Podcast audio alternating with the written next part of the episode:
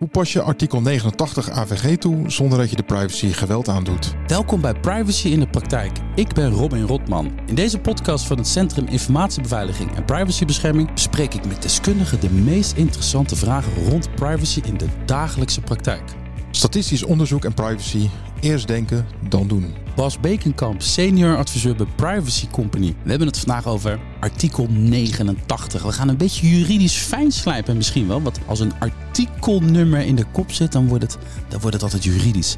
Wat is het voor ding, artikel 89? Artikel 89 is eigenlijk een van de uitzonderingen binnen de AVG voor de toepassing van statistisch onderzoek en wetenschappelijk onderzoek en ook historisch onderzoek op basis van de gegevens die je gewoon verwerkt uh, met ja, je, al je processen, al je uh, verwerkingen die je feitelijk in de praktijk verricht. Dus ik ben een overheidsorganisatie of ik ben een bedrijf en ik heb bepaalde gegevens over mijn klanten of over burgers.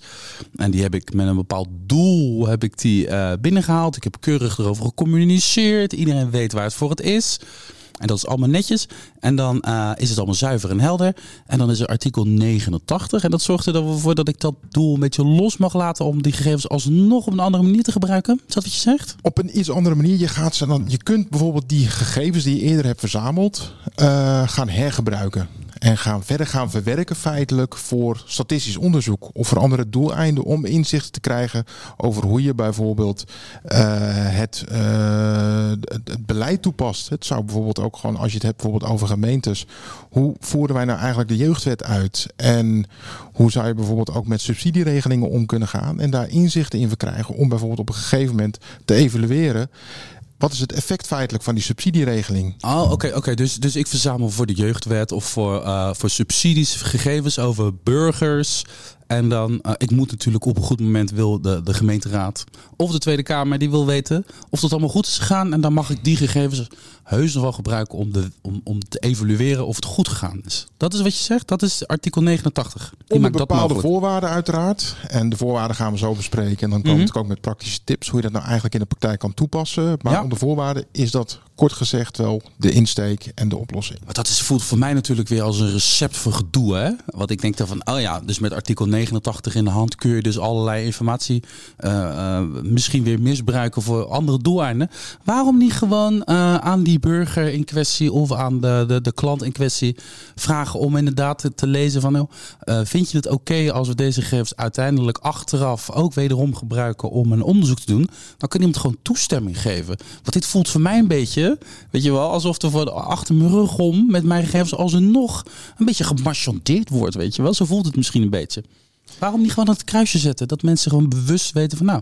En mensen die dat niet willen, die gebruik je dan ook niet. Ja, en, dat, en juist dat kruisje, dat is natuurlijk ook gewoon ja, onder de AVG de toestemming. En wat het lastiger maakt, zeg maar, bij vooral dus ook gewoon de overheidsorganen, is dat je heel vaak zit met die zogenaamde afhankelijkheidsrelatie. En je bent dus afhankelijk en er bestaat dus die gezagsrelatie feitelijk. Dus de overheid die kan jou wat aanbieden of die moet jou iets verlenen. Maar daar tegenover staat dat jij dus gegevens moet leveren aan de overheid en ook van die overheid afhankelijk bent. Je dus kan alleen ik, bij ik, ik wil een subsidie van de overheid hebben. Bijvoorbeeld. En, en dan voel ik me misschien wel verplicht om, om dan toestemming te geven. En dan voel ik me ook weer een beetje genaaid eigenlijk. Nou, dat, kijk, en daar zit nou precies die crux. Uh, het, het is misschien, ja, misschien voel je ook wel dat je dan genaaid wordt. Alleen, ja, je toestemming moet vrij zijn. En op het moment dat jij een subsidieaanvraag indient en je wordt vervolgens wordt er ook nog toestemming aan jou gevraagd om bijvoorbeeld dan nog die gegevens verder te verwerken, ja, dat, dat boot het niet en dat, dat botst dus met elkaar, omdat die toestemming dan niet vrij wordt gegeven in vrijheid. Er is ja. een afhankelijkheid. Jij krijgt die subsidie uh, mogelijk als die wordt uh, toegekend. En vervolgens geef je dan nog toestemming. Ja, en die gegevens mag je ook nog wel een keer verder gebruiken. Terwijl het eigenlijk samenhangt al met de oorspronkelijke aanvraag. Je namelijk, je vraagt die subsidie aan. Ja. Die wordt voor jou op individueel niveau toegekend of niet. En vervolgens zou dus uh, bijvoorbeeld de provincie of de gemeente zou die gegevens kunnen gaan gebruiken, verder kunnen gaan verwerken voor onderzoek naar wat is nou het effect van die subsidieregeling? Uh, wat voor soorten aanvragen krijgen wij nou bijvoorbeeld allemaal binnen? Of van wat voor soorten partijen krijgen we die binnen?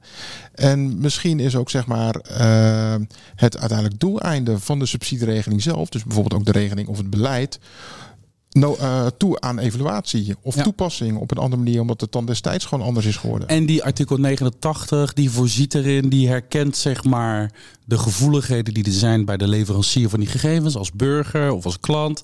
En die zegt dan eigenlijk van nou, als je onder aan bepaalde voorwaarden vo, vo, vo- eh, voldoet, hoef je daar niet van tevoren om, om te vragen. Wij eh, garanderen dat dat inderdaad nog steeds met inachtneming van de privacy is van de betrokkenen. En dan onder voorwaarden mag het. En wat zijn dat dan voor voorwaarden dat, dat de AVG zegt van oké, eh, artikel 89, als je dit en dit, dit doet, dan mag het. Nou, er zijn dus ook expliciet in de wet een aantal voorbeelden en waarborgen eigenlijk beschreven. Ehm, een aantal, in ieder geval is dat dus, als mogelijk is, probeer in ieder geval met anonieme gegevens eh, dat Ah, onderzoek te moet verrichten. geanonimiseerd worden. Ja. Naar voorkeur altijd geanonimiseerd. Alleen als dat dus niet kan, dus dat je je ruwe data die je dus eigenlijk al hebt verkregen vanuit hè, bijvoorbeeld die subsidieregeling en die aanvraag, dan moet je kijken of je ze misschien kunt pseudonymiseren. En daarbij ook altijd nog de voorwaarden, in ieder geval altijd de, de, de beperking van dataminimalisatie. Dus alleen die benodigde gegevens die je nodig hebt voor dat onderzoeksdoel. Op, op, op, op welke manier heb jij eigenlijk te maken vanuit jouw professionele praktijk met artikel 89? Dat is echt op allerlei verschillende niveaus. Eh, en vaak zie je dus, eh, ik ben zelf eh, extern FG, dus functionaris gegevensbescherming bij een gemeente, dan wel bij een provincie. En daar zie je dus dat eigenlijk ook ja, vanuit beleids, eh, kwaliteitverbetering, beleidsonderzoek, beleidsevaluatie, er heel vaak behoefte is aan hoe kunnen we met al die data inzicht te krijgen om bijvoorbeeld een, eh, binnen een bepaalde eh, regio eh, de, de woningvoorraad inzichtelijk te krijgen. Ja, dan zie je vaak dat dus gewoon zeg maar, dan wordt gevraagd om wat, wat zijn het aantal woningen, wat voor soorten woningen hebben we daar. Zijn dat vooral panden in bezit van bijvoorbeeld woningcorporaties? Of zijn het juist particuliere eigenaren? Of zijn dat misschien zeg maar beleggers? En dan kan je op basis daarvan eens gaan kijken en een plan gaan maken. En ook je visie, bijvoorbeeld de woonvisie gaan formuleren. voor de, hoe gaat je woningvisie voor de komende 10, 20 jaar eruit? zien? waar ga je bouwen? Hoe voor de komende vier jaar. Oké, oké, oké. Wordt eh, artikel 89 die wordt eigenlijk heel vaak van stal gehaald. Hij is eigenlijk alomtegenwoordig. Want elke keer als er ergens beleid wordt gemaakt of ergens een, een, een, een wet eh, komt, die moet die ooit een keer geëvalueerd worden. Die moet een keer geëvalueerd worden. Alleen is het even de vraag van hoe zet je het in? Kijk, je kan met artikel 89 kan je eigenlijk een heel, heleboel kanten op. Ehm, er staat natuurlijk niet alleen statistisch onderzoek, maar bijvoorbeeld ook wetenschappelijk of historisch onderzoek. Ja. En dat biedt juist de mogelijkheden, zolang je maar eh, aan de waarborgen voldoet, zoals ook in dat artikel beschreven. En belangrijk is wel dat je eh, niet moet vergeten dat het niet alleen voor alleen maar publieke taken uit, uit, ja, toegepast kan worden, maar bijvoorbeeld ook voor commercieel statistisch onderzoek. Merk je als FG dat, dat, dat mensen denken van eh, lekker die artikel 89 van de stal halen. En dat ze denken van ah mooi, kunnen we lekker onderzoeken. Dan kunnen we een heleboel informatie, kunnen die, al die gegevens lekker gaan gebruiken. En dat jij als FG zegt ja jongens oké, nee. Je kan dat ding niet dus te pas en te onpas maar gaan inzetten. Omdat jij zin hebt om met die informatie aan de slag te gaan. Dat je echt even moet terugfluiten. Nee, dit is niet de bedoeling. In die zin dat niet. Alleen zie je wel dat ze natuurlijk tegenwoordig veel gebruik maken van allerlei eh, applicaties. Waar je bijvoorbeeld echt ook, eh, hè, dus eh, door middel van bijvoorbeeld eh, de Power BI tools eh, van Microsoft. Waarbij je natuurlijk ook gewoon heel makkelijk weer de resultaten kunt terugherleiden tot bijvoorbeeld individuele personen. Terwijl je eigenlijk het onderzoeksdoel wat je probeert inzichtelijk te krijgen, is niet zeg maar het op individueel niveau bekijken van wat is hier zeg maar de trend. Nee, het is juist op hoger geaggregeerd niveau. Het bekijken van wat zijn nou de trends en de ontwikkelingen. En op basis daarvan de inzicht te krijgen. Dus je moet daar wel goede waarborgen treffen. Ja. Dat je dus voorkomt dat iemand weer door middel van de techniek in kan zoomen. Dus eigenlijk weer terug kan herleiden tot die Dat individuele gaat heel uitbreid. Kun jij eens een concreet voorbeeld geven eh, waarin, waarin, waarin heel duidelijk blijkt dat artikel 89 een beetje misbruikt wordt? Of dat je echt zegt van ja, maar jongens, hier gaat het fout. Dit is, dit is, hier, dit is niet waar die voor bedoeld is, jongens. Ja, de manier waarop het, het, vaak eigenlijk niet goed wordt toegepast in de praktijk, is dat je eigenlijk, eh, kijk, je begint feitelijk met hè, welke onderzoeksdata heb ik nodig voor dat doel. Ehm, Alleen die minimale gegevens die je nodig hebt om dat doel te bereiken, dat is de eerste stap. En dat kan ook zijn dat je niet met anonieme data uit de voeten kunt. Dat je dus misschien met gepseudonymiseerde data uit de voeten kunt. Maar in ieder geval de ruwe onderzoeksdata die je gaat gebruiken, die data zal je in ieder geval altijd uh, na de analyse ja, moeten parkeren, dan wel moeten verwijderen, uh, dan wel moeten vernietigen. In ieder geval op korte termijn. Mhm. Dus daar moet je ook in ieder geval al in bijvoorbeeld uh, je onderzoeksvoorstel een beschrijving van maken.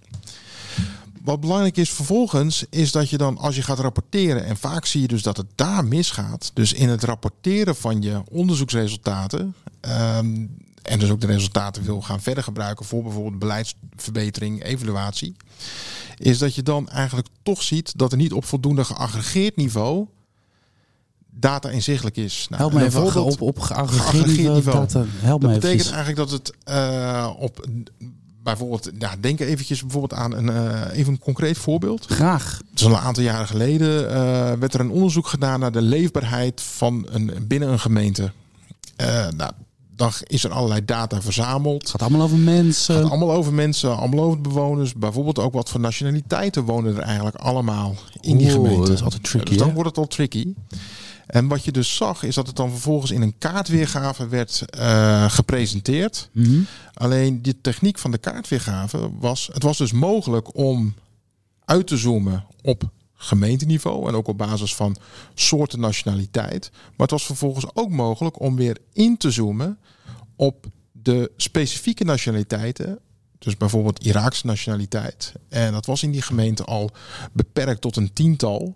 Nou, dan heb je eigenlijk al dat je eigenlijk let op de, de populatie uiteindelijk uh, te maken hebt met een tiental personen op een gemeente van bijvoorbeeld 30.000 inwoners. Ja? Dan zou je al kunnen zeggen, dan ga je al richting een indirecte herleidbaarheid. Oké, okay, dus hier heb je typische geval dat je dus met artikel 89 in de hand wil je onderzoek doen of je wil iets inzichtelijk maken. En dan uh, schiet het zijn doel dus een beetje voorbij, omdat de mensen over wie het gaat uiteindelijk toch herleidbaar zijn in het Toch herleidbaar zijn. In dit geval ging het nog verder, omdat je dan uiteindelijk ook nog kon ingaan zoomen op buurtniveau. En uiteindelijk zeg maar in de kaartweergave bijna op postcode 6 adresniveau. Dus eigenlijk kon aan ja, wijzen waar de desbetreffende personen met die nationaliteit woonachtig waren. Merk je dat het in de praktijk vaak misgaat, dat het moeilijk is? Ik, vind hem, ik merk aan mezelf dat ik het een lastige vind. Er is dus een uitzondering. Ik snap dat het mag, hè, dat je dus Mhm. wetenschappelijk onderzoek kan doen. Ik snap ook dat je je beleid moet evalueren. Maar ik voel ook aan alles dat het een mogelijkheid is om toch lekker met al die gegevens lekker zo'n slimme app te gaan maken.